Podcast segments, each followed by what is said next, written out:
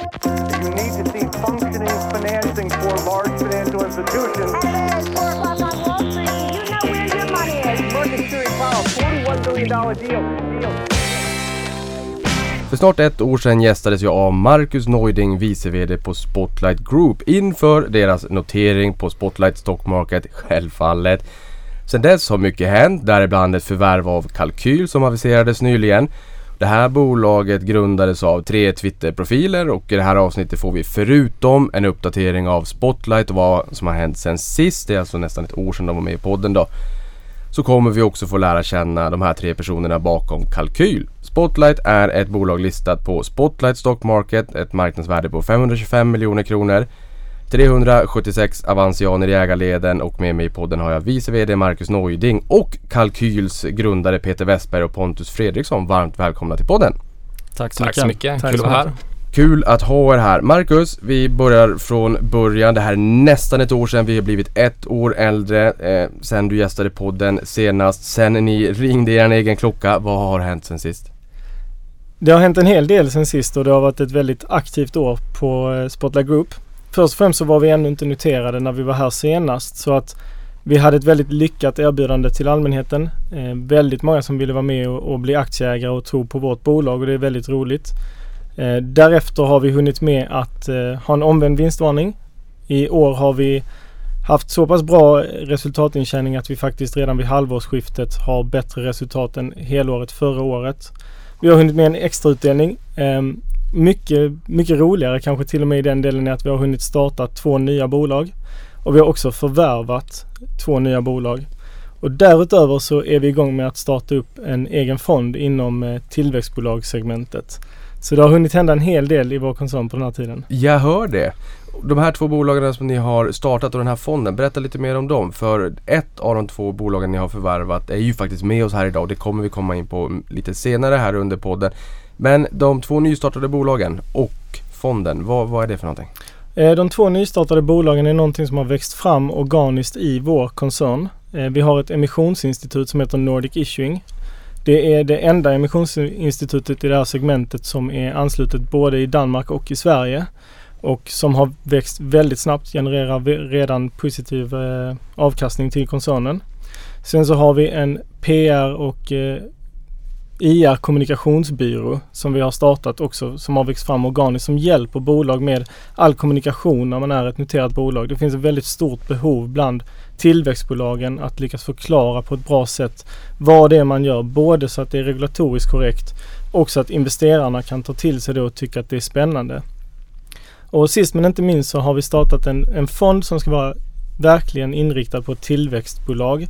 Eh, det finns många småbolagsfonder där ute som, som liksom stor post i Castellum eller Novo Nordisk för den delen.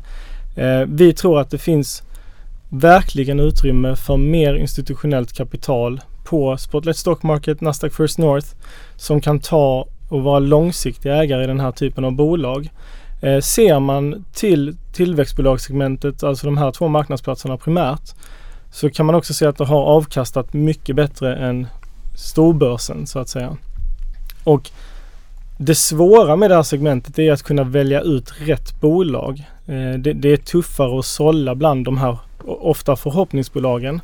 Men å andra sidan, den som är duktig på att göra det kan generera en, en väldigt bra avkastning. Bara snittet är ju så pass bra så skulle du vara tillräckligt duktig för att träffa de 75 bästa procenten så skulle du ha en fantastisk avkastning.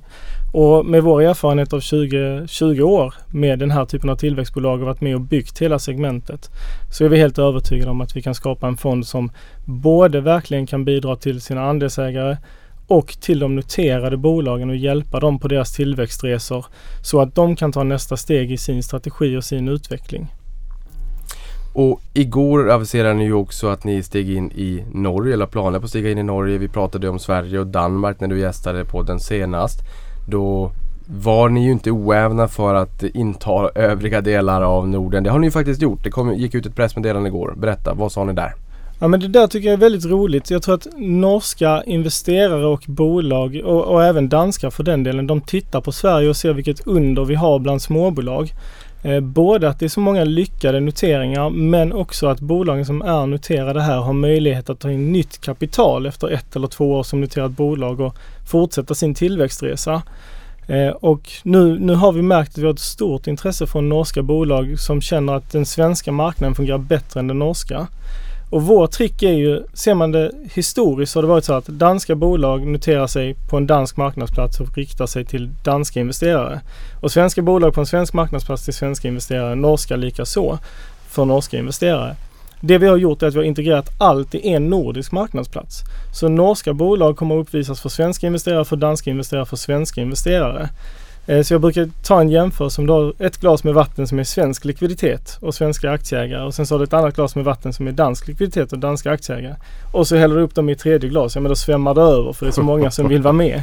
Eh, det ser vi tydligt, alltså likviditeten i bolagen på Spotlight Stock Market som har ägare från alla länderna blir väldigt, väldigt god. Eh, I synnerhet i jämförelse med deras hemländer så att säga. Och investerarna får tillgång till många fler intressanta bolag. Så eh, kul att det norska första norska bolaget nu är på gång. Eh, och jag tror att vi kommer att se fler därifrån eh, ganska så snart när de ser hur väl det fungerar här i Sverige. Ja, för där var det väl Genetic Analysis som jag förstått som blev det här bolaget som får ringa i klockan som första bolag första oktober går det här av stapeln om jag har förstått det hela rätt. Stämmer. Då är ni inne i Norge?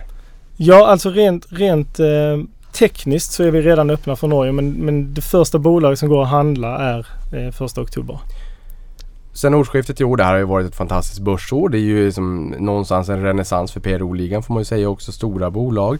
Eh, därför blir det lite spännande att lyssna till hur det har gått för de kanske lite mindre bolagen också som huserar och ser. Men er aktie har ju stigit 100% sen årsskiftet.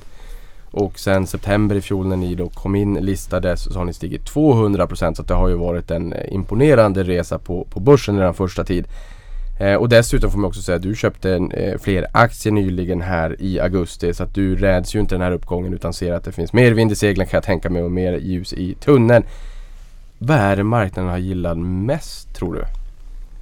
Bra fråga. Jag tror att en del är att marknaden har insett att vi inte bara Spotlight Stock Market, en handelsplattform, utan vi är en finanskoncern med åtta bolag just nu och växande. Eh, det tror jag har varit en viktig del i att marknaden har förstått att det är en helt annan riskdiversifiering. Det finns flera ben att stå på. Det finns också spännande enskilda ben som kan dra resultat och tillväxt vid olika tillfällen. Samtidigt som man har ganska säkra intäktsströmmar på Spotlight Stock Market. Sen är det klart att generellt sett så gillar ju marknaden bolag som vill göra grejer, som vill utvecklas, ledningar som vill se till att det händer något och inte står still. Och, och det året vi har haft det visar ju att vi har för avsikt att fortsätta gasa hela tiden. Och på samma sätt så, ja, jag köpte aktier eh, precis för några dagar sedan i bolaget. Precis som de allra flesta tror jag stenhårt på pilotskolan. Jag, jag, liksom, jag lever och, och andas Spotlight Group varje vaken minut och då vill jag givetvis också eh, liksom vara ännu mer committad till det och följa med på den förhoppningsvis fortsätta resan som vi är på väg mot. Redan förra året när du var här så pratade vi mycket om väder och vind och det hade varit en oerhört hög handelsaktivitet. Det är väl av egentligen sällan skådat slag. Jag tror väl aldrig någonsin världen har sett en handelsaktivitet vi såg under fjolåret, pandemin. Det har ju fortsatt. Innebär det här också att benet Spotlight Stock Market i Spotlight Group gör att hela bolaget blir mer volatilt, alltså intjäningen blir mer volatil och att vi kommer få se mer påverkan av väder och vind framåt?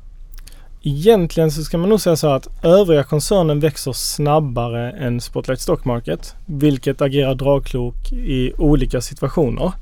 I absoluta tal så har Spotlight Stock Market tjänat mer pengar eftersom det har varit så god handelsaktivitet som det har varit.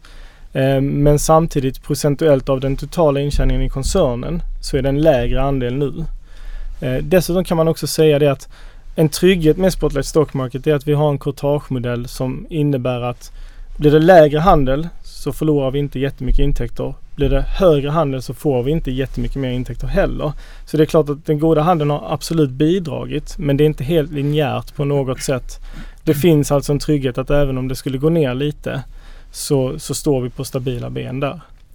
Vi har ju med Peter och Pontus i podden och kommer till tals alldeles, alldeles strax. Det du sa, det har hänt jättemycket sedan vi träffades sist. Bland annat två förvärv. Ett av de här förvärven har ju varit då Kalkyl som ni berättade för marknaden om alldeles nyligen. Vad var det som fick er att trycka på köpknappen här? Det, jag tycker det är en jätteintressant tanke därför att i november gick vi ut och sa att ja, men vi har ju den här koncernen med bolag som alla har ett gemensamt syfte, hjälpa tillväxtbolag med kapital. I den koncernen så ser vi en jättestor efterfrågan från våra kunder för ett analysbolag. Och vi ser också att tillväxtbolag skulle må bra av att ha fler analytiker som bevakar dem. Eh, så vi började leta efter olika typer av eh, lösningar för att sätta upp ett eget analysbolag. Det var tanken vi skulle anställa någon. Jag intervjuade hur många som helst, hur många som helst som hörde av sig och ville bli uppköpt eller ville vara en del utav Spotlight Group-koncernen. Men vi kände hela tiden att jätteduktiga personer i många fall, men det är exakt samma som alla andra gör. Vi vill göra något nyskapande, vi vill göra någonting som är spännande på riktigt och inte bara sätta upp en, en vanlig analysfirma. Och länge hade jag följt då eh, kalkylgrundarna och kalkyl på Twitter eh, själv. Och fick kontakt med dem därför att jag egentligen bara ville lära känna dem bättre för jag tycker att de var så duktiga på det de gör.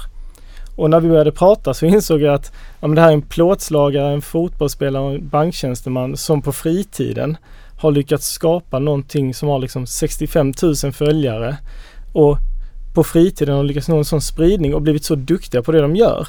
Så allting inom mig skrek, ge dem chansen att göra det här på heltid. Ge dem chansen att verkligen komma in i vår koncern och, och se vad det kan ge. För att en del i säljpitchen från, från oss till dem när vi skulle få dem att vilja ansluta till vår koncern. Det var just att ja, men ni kan ta trappsteget ett i taget. Ni kan bli bättre på att sälja. Ni kan lära er IT och ekonomi och juridik och varumärkesfrågor. Sen kan ni försöka utveckla produkten och ni kan försöka ta er in i gammelfinans och se till att det sprids på andra sätt i Bloombergs terminaler och så vidare.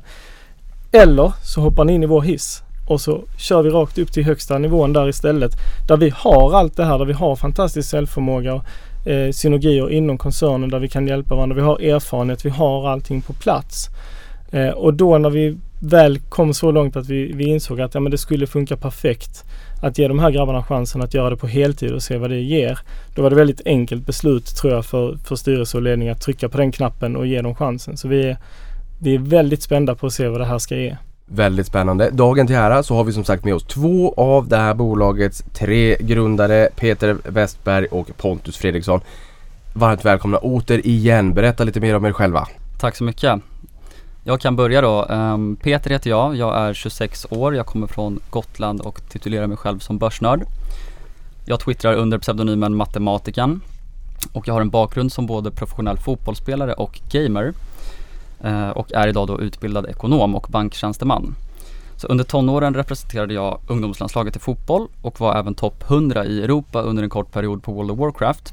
Jag debuterade i Allsvenskan för Kalmar FF på Gamla Ullevi när jag var 18 år då fick jag åtminstone spela sju minuter i den matchen och det var ju allt som den allsvenska publiken fick, fick se av mig. Eh, Så jag hade väl två lyckade passningar, en lyckad tackling eh, och kvantitativt betraktat så är jag väl en av allsvenskans kanske sämsta spelare då. Ehm, I alla fall en av de som kanske gjort minst avtryck får man säga. Du skulle ju tagit ett gult Peter, komma med i protokollet. Ja, men protokollet vill man alltid vara med på så att, uh, gult borde jag kanske tagit. Eh, hur som helst, sessionen i Kalmar FF var eh, i ett och ett halvt år ungefär och efter det här så testade jag mina vingar i Norge där jag också var heltidsanställd fotbollsspelare. Eh, och det här var då ungefär fem år sedan och då fick jag också min första kontakt med aktiemarknaden. Eh, och under den här perioden började jag liksom resonera lite kring hur jag ville gå tillväga med min framtid helt enkelt. Och jag kom väl fram till att i ett best case scenario så skulle jag ha en helt okej karriär i Allsvenskan kanske. Eh, men bättre än så tyckte jag inte att jag var. Så parallellt med det här då eh, så hade jag också många vänner som började plugga på universitet och göra civila karriärer och det här gjorde också att jag själv tog beslutet att börja studera och satsa på det också. Så att idag har jag då en kandidatexamen i företagsekonomi och jobbar som banktjänsteman men har då precis sagt upp mig i samband med det här uppköpet och eh, ska då bli heltidsanställd analytiker på kalkyl. Och på många sätt så kändes det faktiskt som en ganska naturlig övergång från idrott till finansbranschen. Eh, jag har väl ändå kommit fram till att det finns några likheter och det är ju att eh, liksom det är väldigt tävlingsinriktat och det, det är också väldigt mätbart. Och så blir man också belönad om det går väldigt bra. Och precis som många andra investerare såg sin resa börja på börsen eh, så föll jag för en väldigt primitiv bioteknikrek då av en dåvarande lagkamrat. Enligt honom så hade väl aktien eh, ungefär 1000% uppsida innan den skulle nå fair value eller någonting liknande. Och det här slutade ju såklart med att jag, jag investerade allt jag hade och förlorade 75% av, av allt mitt liksom kapital. Men hur klyschigt det än låter så är jag idag faktiskt väldigt tacksam för den reken för det här var ju liksom en extremt bra läropeng för mig såklart. Eh, och efter det här nederlaget så snubblade jag ju faktiskt in på podden, mm, eller Kultpodden ska jag nog säga, Prata pengar eh, med dig och eh, Filip Scholzé. Och eh, du och Filip bidrog ju då med att jag fortsatte på, på den här resan med börsen och med aktier och eh, efter några avsnitt redan så hade jag ju förälskat mig i ränta på ränta och betraktade också det här liksom som ett stort privilegium att jag liksom redan som 21-åring tyckte själv då att jag hade förstått det här med ränta på ränta och hur det kunde bidra med att jag liksom kunde maximera min livskvalitet. Eh, och det var väl då till stor del slump men också till viss del intellektuell nyfikenhet och även då tack till dig också Niklas som, som, som fick mig att, att förstå det här. Och det var ju så det började för mig och nu fem år senare så ska jag alltså påbörja en heltidstjänst som aktieanalytiker på ett analysbolag som jag själv har varit med och grundat och det här känns ju väldigt, väldigt stort för mig.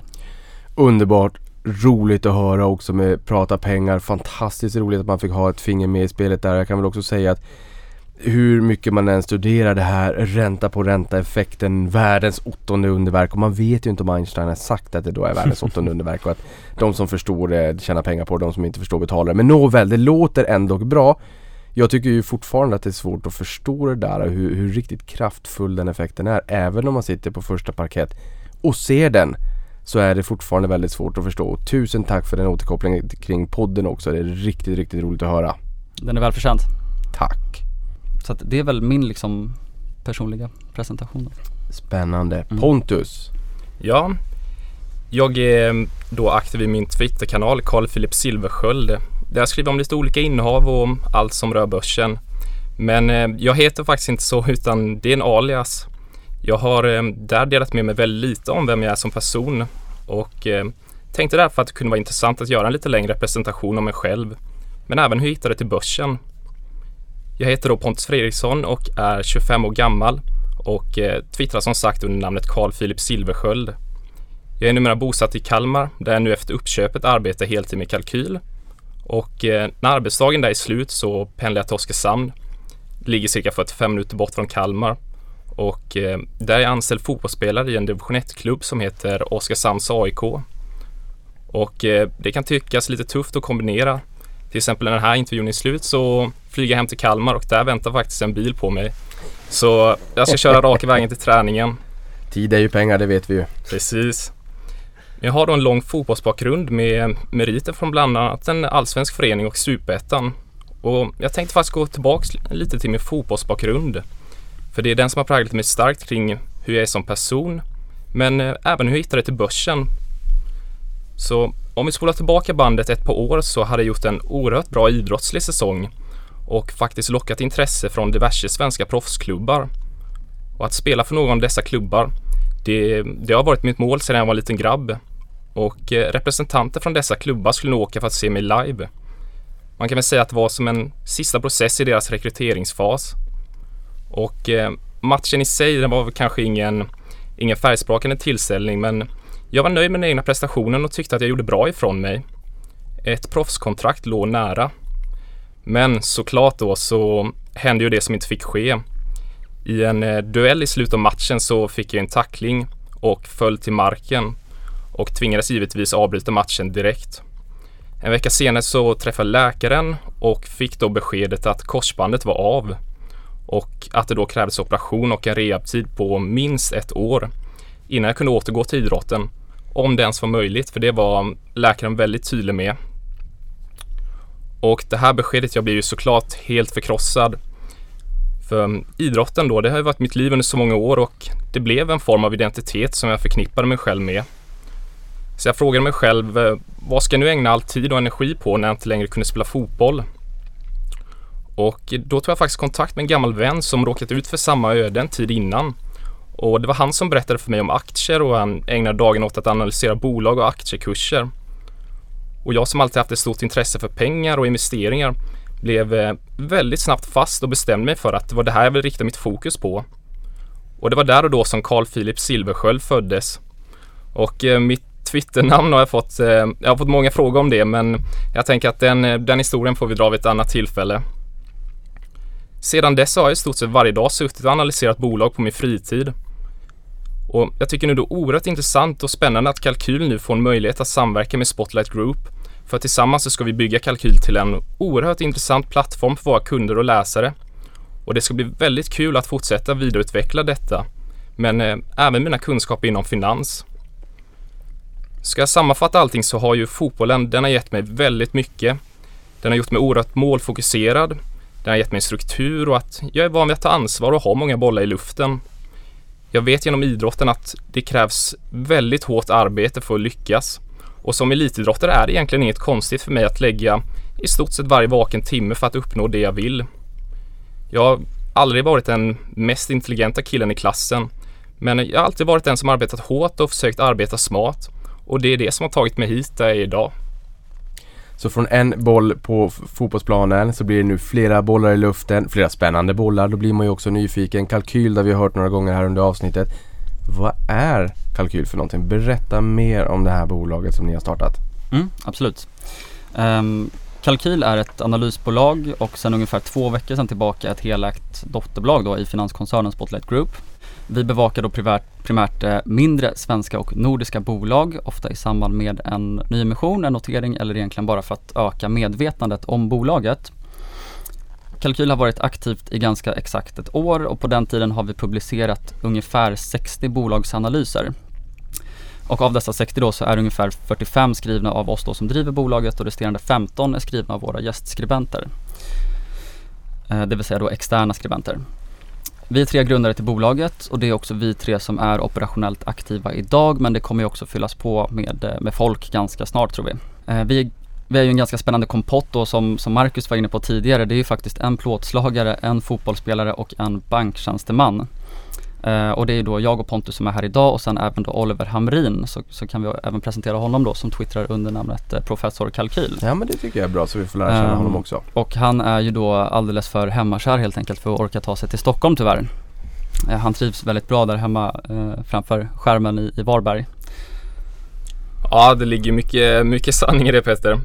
Men om vi ska återgå lite till vårt koncept så arbetar Kalkyl med att öka kännedomen kring bolagen vi arbetar med då. Vi erbjuder aktieanalyser och marknadsföring i syfte då att hjälpa bolag med marknadsföring till investerarna. Och det här vill vi förmedla i ett lättläst format. Vårt format och vårt sätt att arbeta på tycker vi är ett nytt och intressant sätt att erbjuda analysbevakning på. Kalkyl har en stark och bred spridning med oerhört hängivna läsare måste jag säga, vilket vi är väldigt tacksamma för. Inom Kalkyl som vi var inne på så har vi tillsammans en sammanlagd följarbas på cirka 65 000 via sociala medier. Och följarbasen har vi kunnat få på grund av att folk verkar uppskatta det vi skriver. Och det här vill vi såklart fortsätta med. Vi vill inspirera våra läsare för det är, det är det vi tycker är kul och det är det vi drivs av. Vår största tillgång är ju vår stora och breda följarbas där vi når ut till många investerare och till en publik som många andra inte har möjlighet att nå.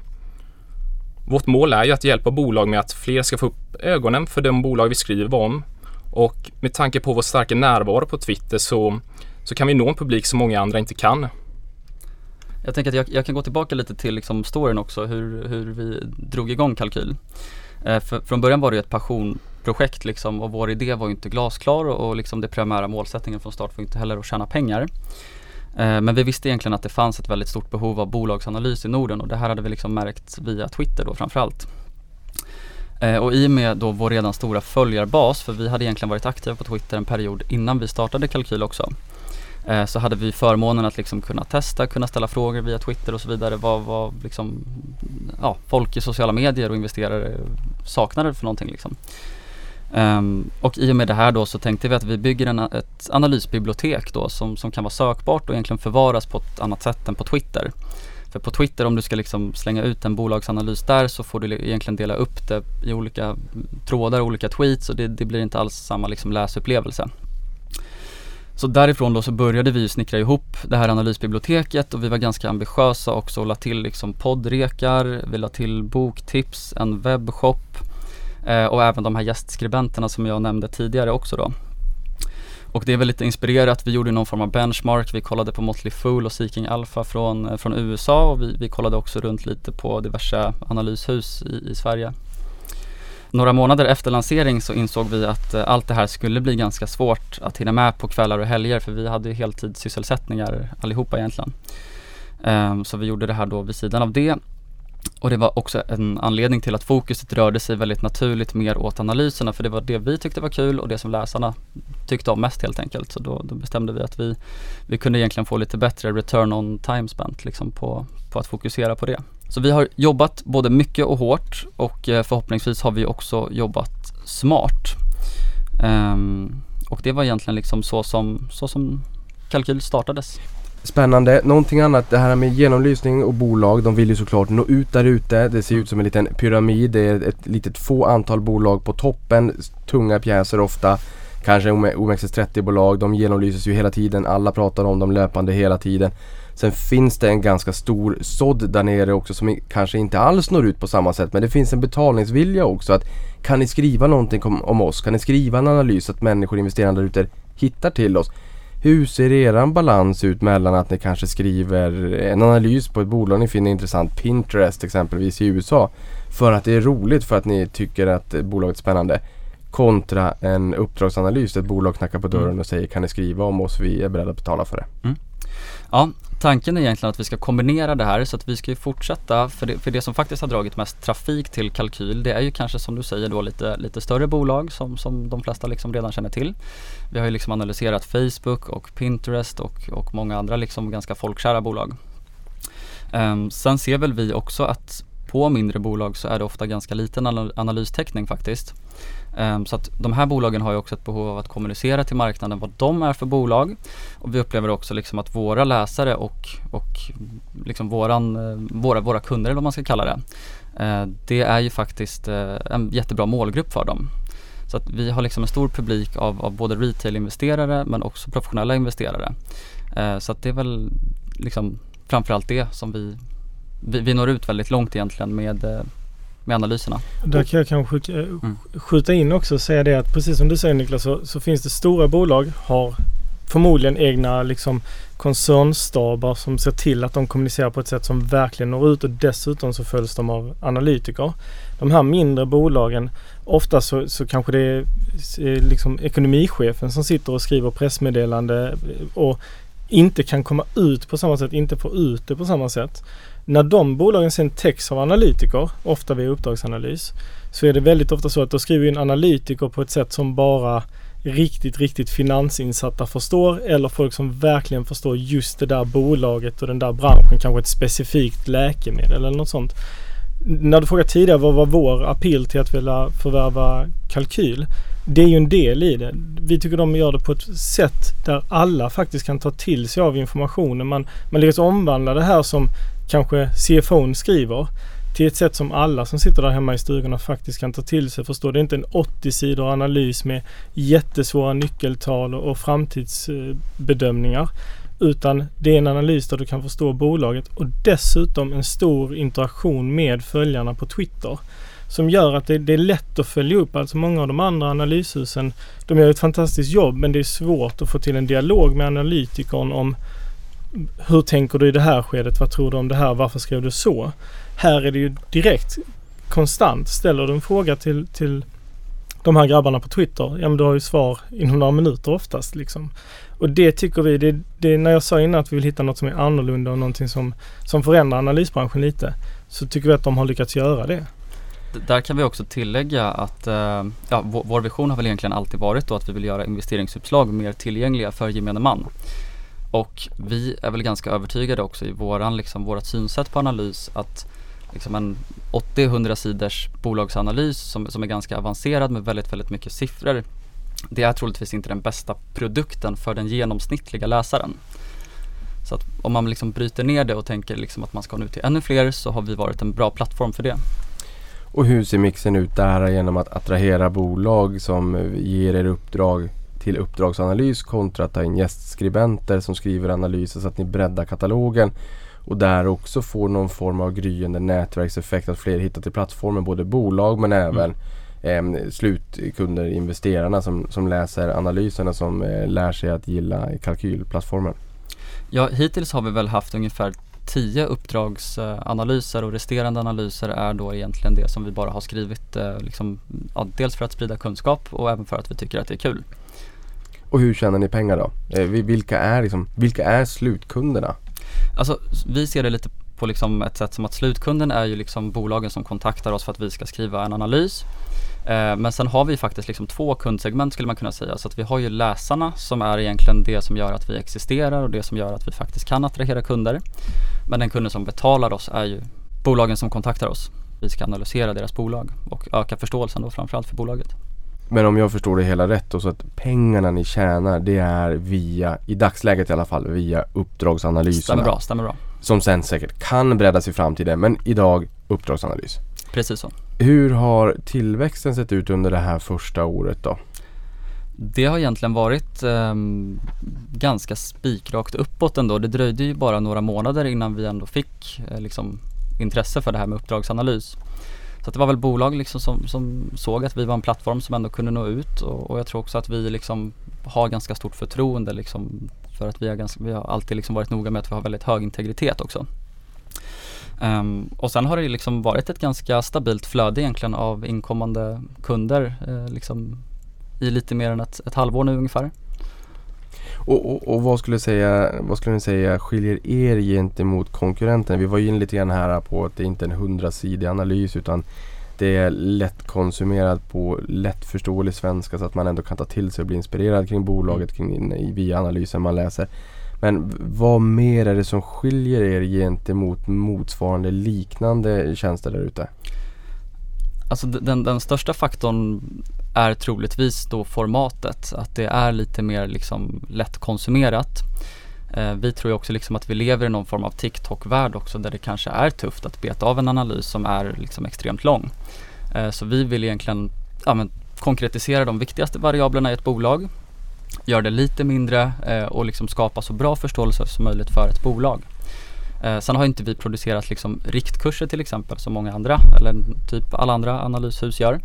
Eh, det här är dock någonting som vi också är öppna för att addera så att vi, vi har inte en färdig produkt heller och, och vi tänker att vi ska också ta efter såklart lite av det de andra gör men, men det som skiljer oss i dagsläget är framförallt då att vi, vi täcker ganska små bolag och eh, vi når ut ganska långt med det och gör det liksom till retail-investeraren framförallt kanske.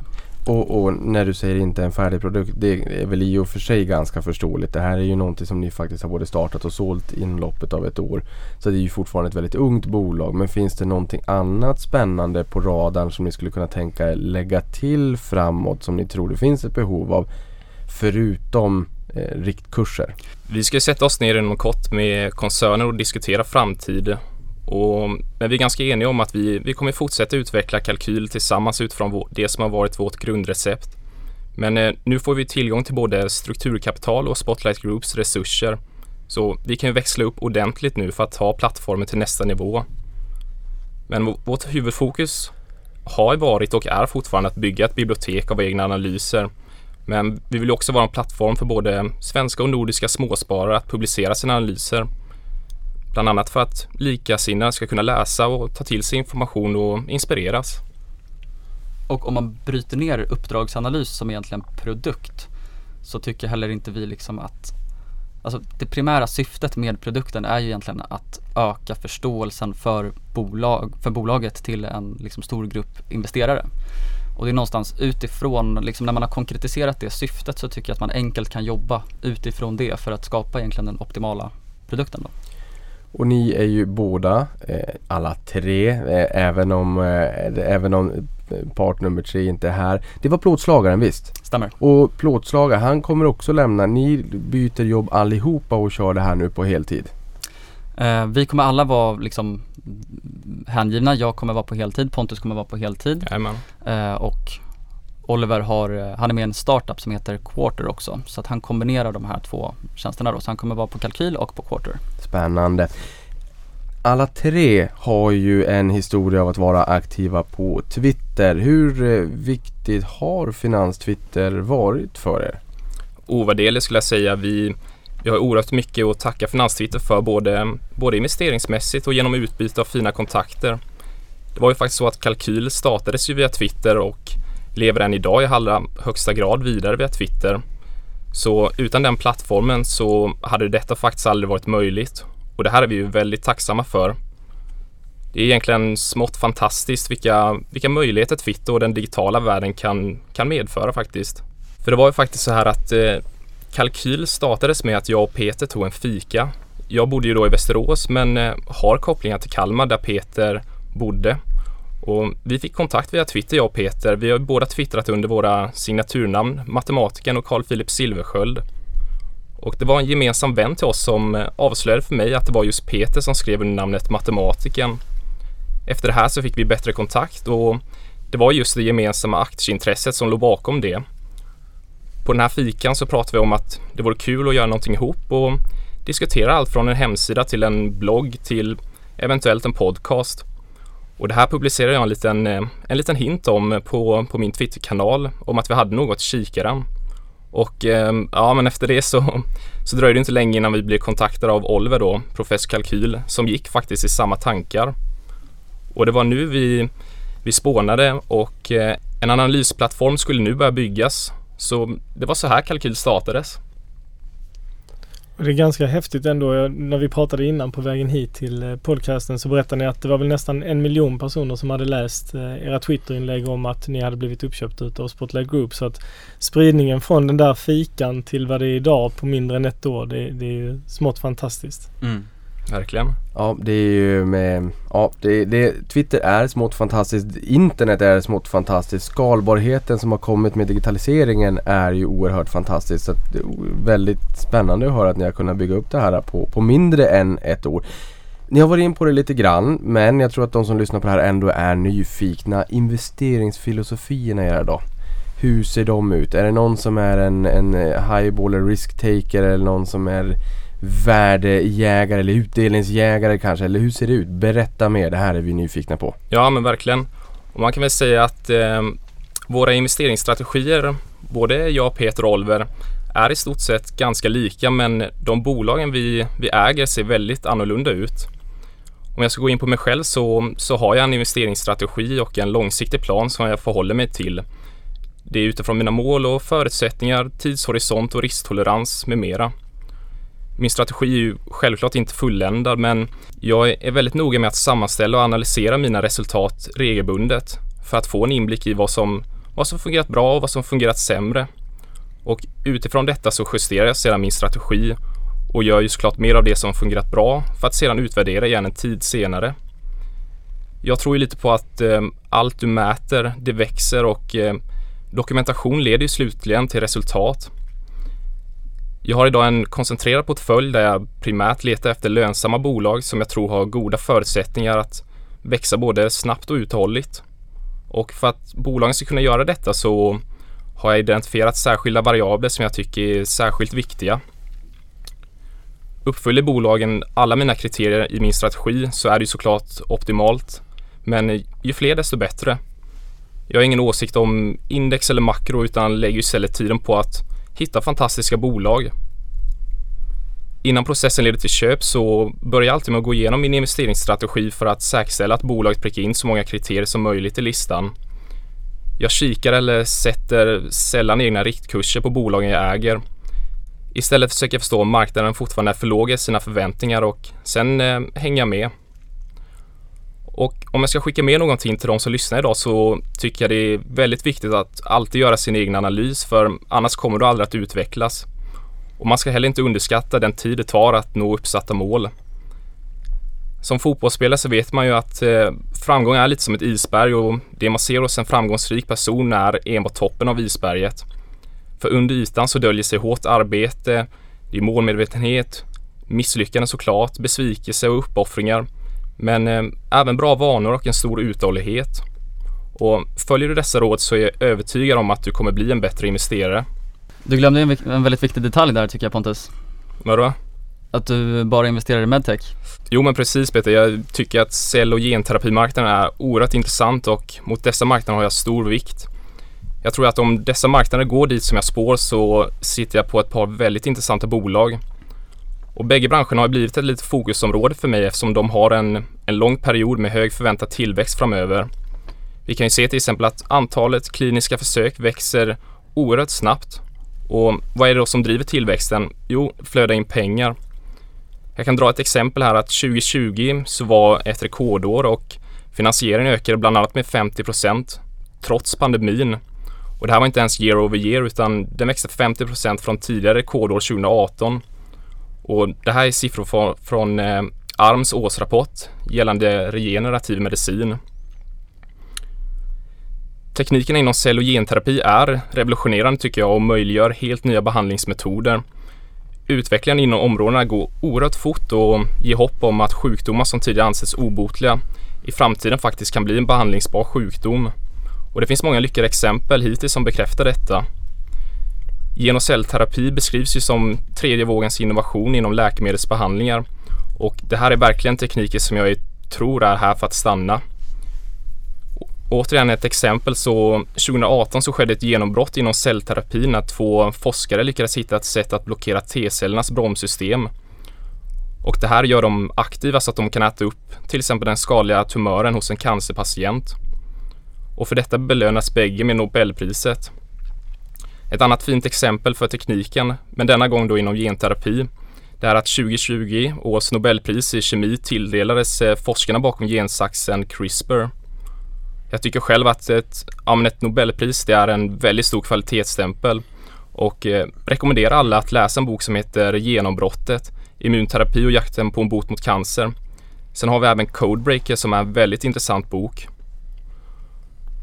Amerikanska FDA som är de som godkänner dessa projekt i kliniska försök har ju gått ut och sagt att de förbereder sig för en kommande våg av experimentella cell och genterapier. Och för att klara av trycket så anställer de som aldrig förr.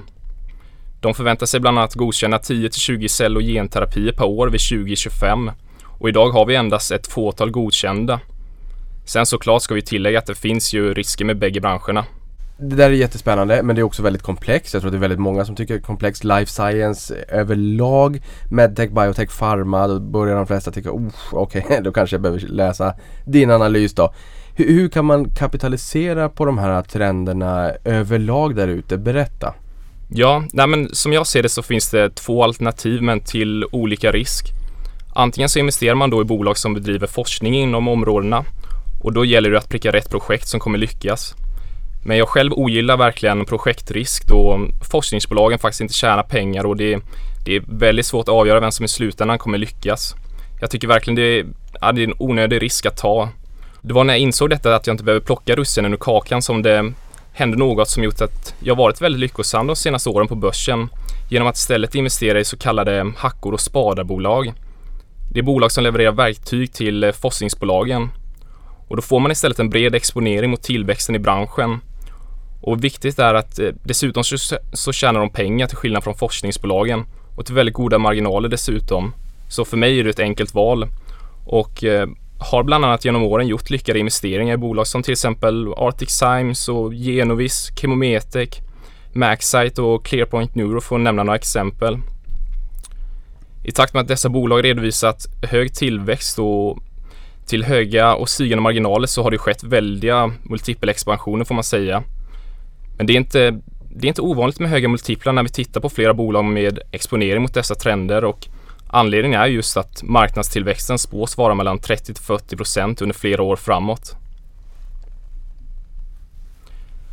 Sen kan jag tillägga att jag, jag tittar bland annat noga på försäljningshistorik och ledning, affärsmodell, vilka kunder bolagen har, den underliga marknaden och vad som driver fortsatt tillväxt även bolagsposition på marknaden och vilket värde produkten skapar och vad som skiljer mot närmsta konkurrenter.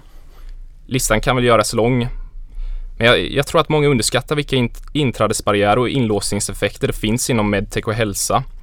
När en produkt väl är inne så är det oerhört svårt att byta ut den då det tar tid för personal att lära sig den samt väldigt kostsamt att byta ut.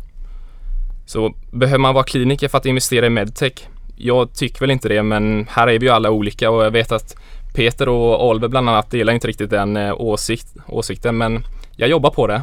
Intressant. Peter, bara en bransch i din portfölj också? Eh, nej, jag är lite mer diversifierad. Eh, ja, jag investerar i bolag som jag främst upplever att jag förstår på ett väldigt simpelt och övergripande sätt och där jag förstår vilka variabler som är värdedrivande i det här bolaget.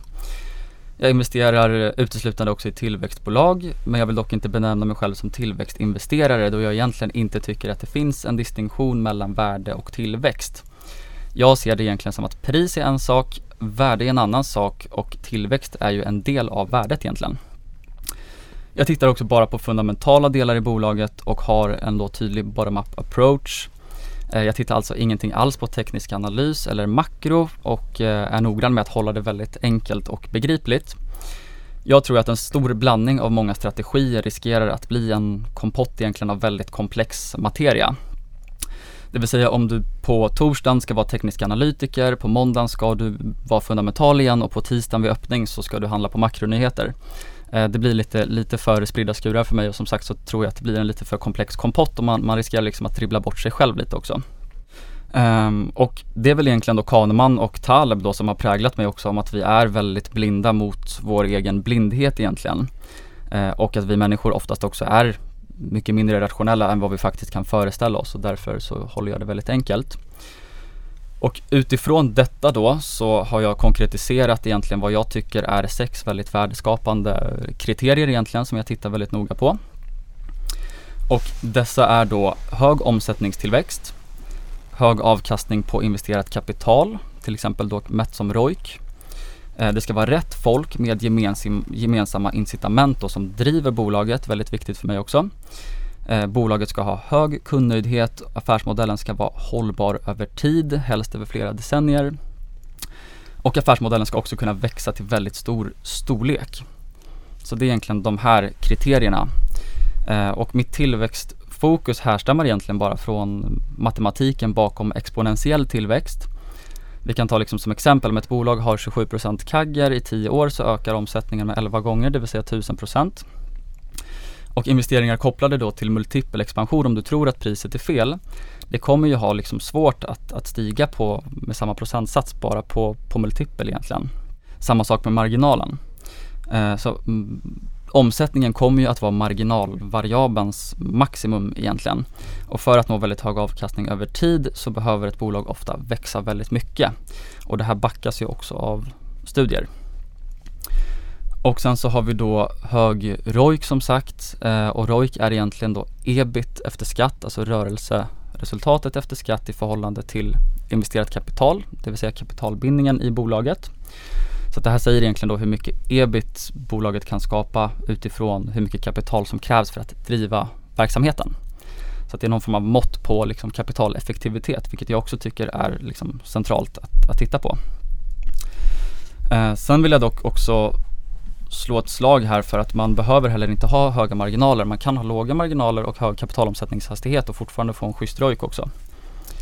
Um, samtidigt då så kan ju kapitalintensiva verksamheter det kan gömma sig ganska starka vallgravar tycker jag också i en kapitalintensiv verksamhet.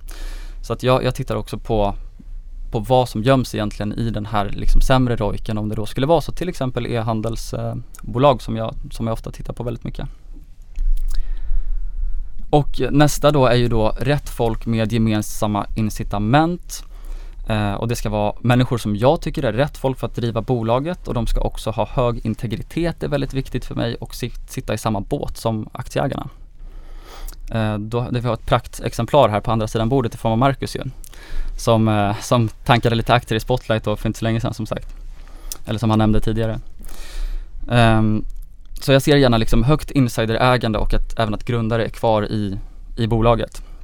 Eh, och finns det liksom några som helst frågetecken för liksom ledningens ärlighet eller integritet så avstår jag. Och sen som sagt då hög kundnöjdhet, lojalitet, det här har ju mycket med varumärke att göra. Jag tycker väl egentligen att varumärke ofta kan vara ganska underskattat när man investerar, alltså så, som Moat eller vallgrav. Um, och sen då att affärsmodellen ska vara hållbar över tid.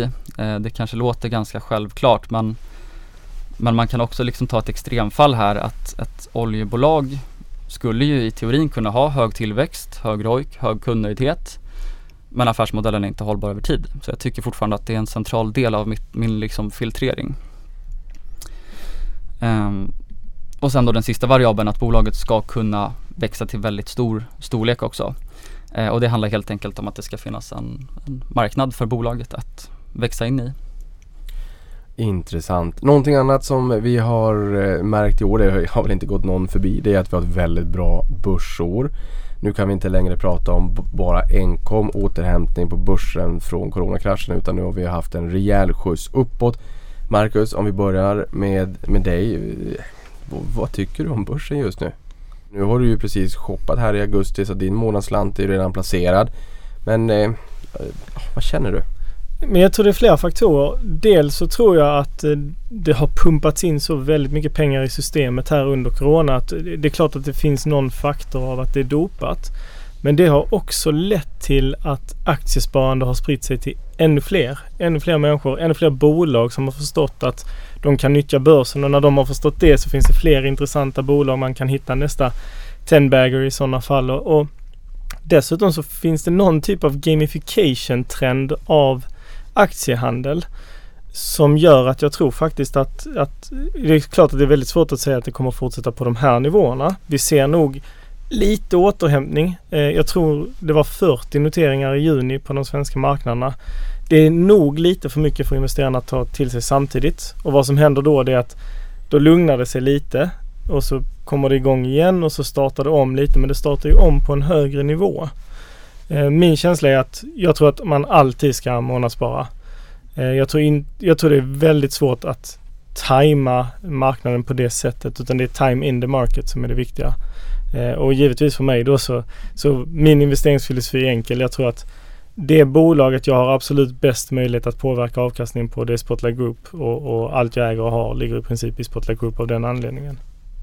Ja, nej men det får man väl säga. Jag har väl varit tillbaka på jobbet en vecka tror jag. Tiden går fort eh, och minnet är dåligt. Men jag tror första veckan så var det två stycken transaktioner som jag har varit involverad i. Så det är rakt tillbaka in i hettan igen. Det var en 40-tal här eh, noteringar och listbyten och sådär i juni. Och det var ju Adam Kostjal sa ju det här eh, i, i podden redan 9 juni. Berättade han att det var ett 40-tal bolag kvar. Då hade vi alltså gått in till 9 juni. Så det var inte jättemånga veckor kvar. Så det vittnar någonstans om, också om att det har varit ett rätt unikt börsår på det sättet också. Eh, även i juli. Det brukar inte vara noteringar i juli. Det brukar vara lite hängmatteläge men, men vi hade ju en del där också.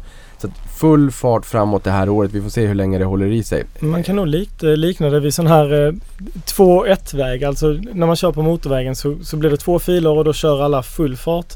Och sen så vid något tillfälle så ska det där ihop och bli en fil.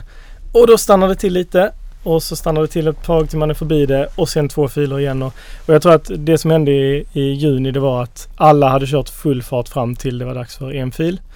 Eh, nu har det lugnat sig lite under sommaren. Ett fåtal noteringar trots allt löpande men, men nu tror jag att det närmar sig två filer igen så att säga. Peter och Pontus, är ni obotliga optimister eller vad, vad tycker ni om börsen? Vi är optimister får vi säga, eller vad säger du Peter?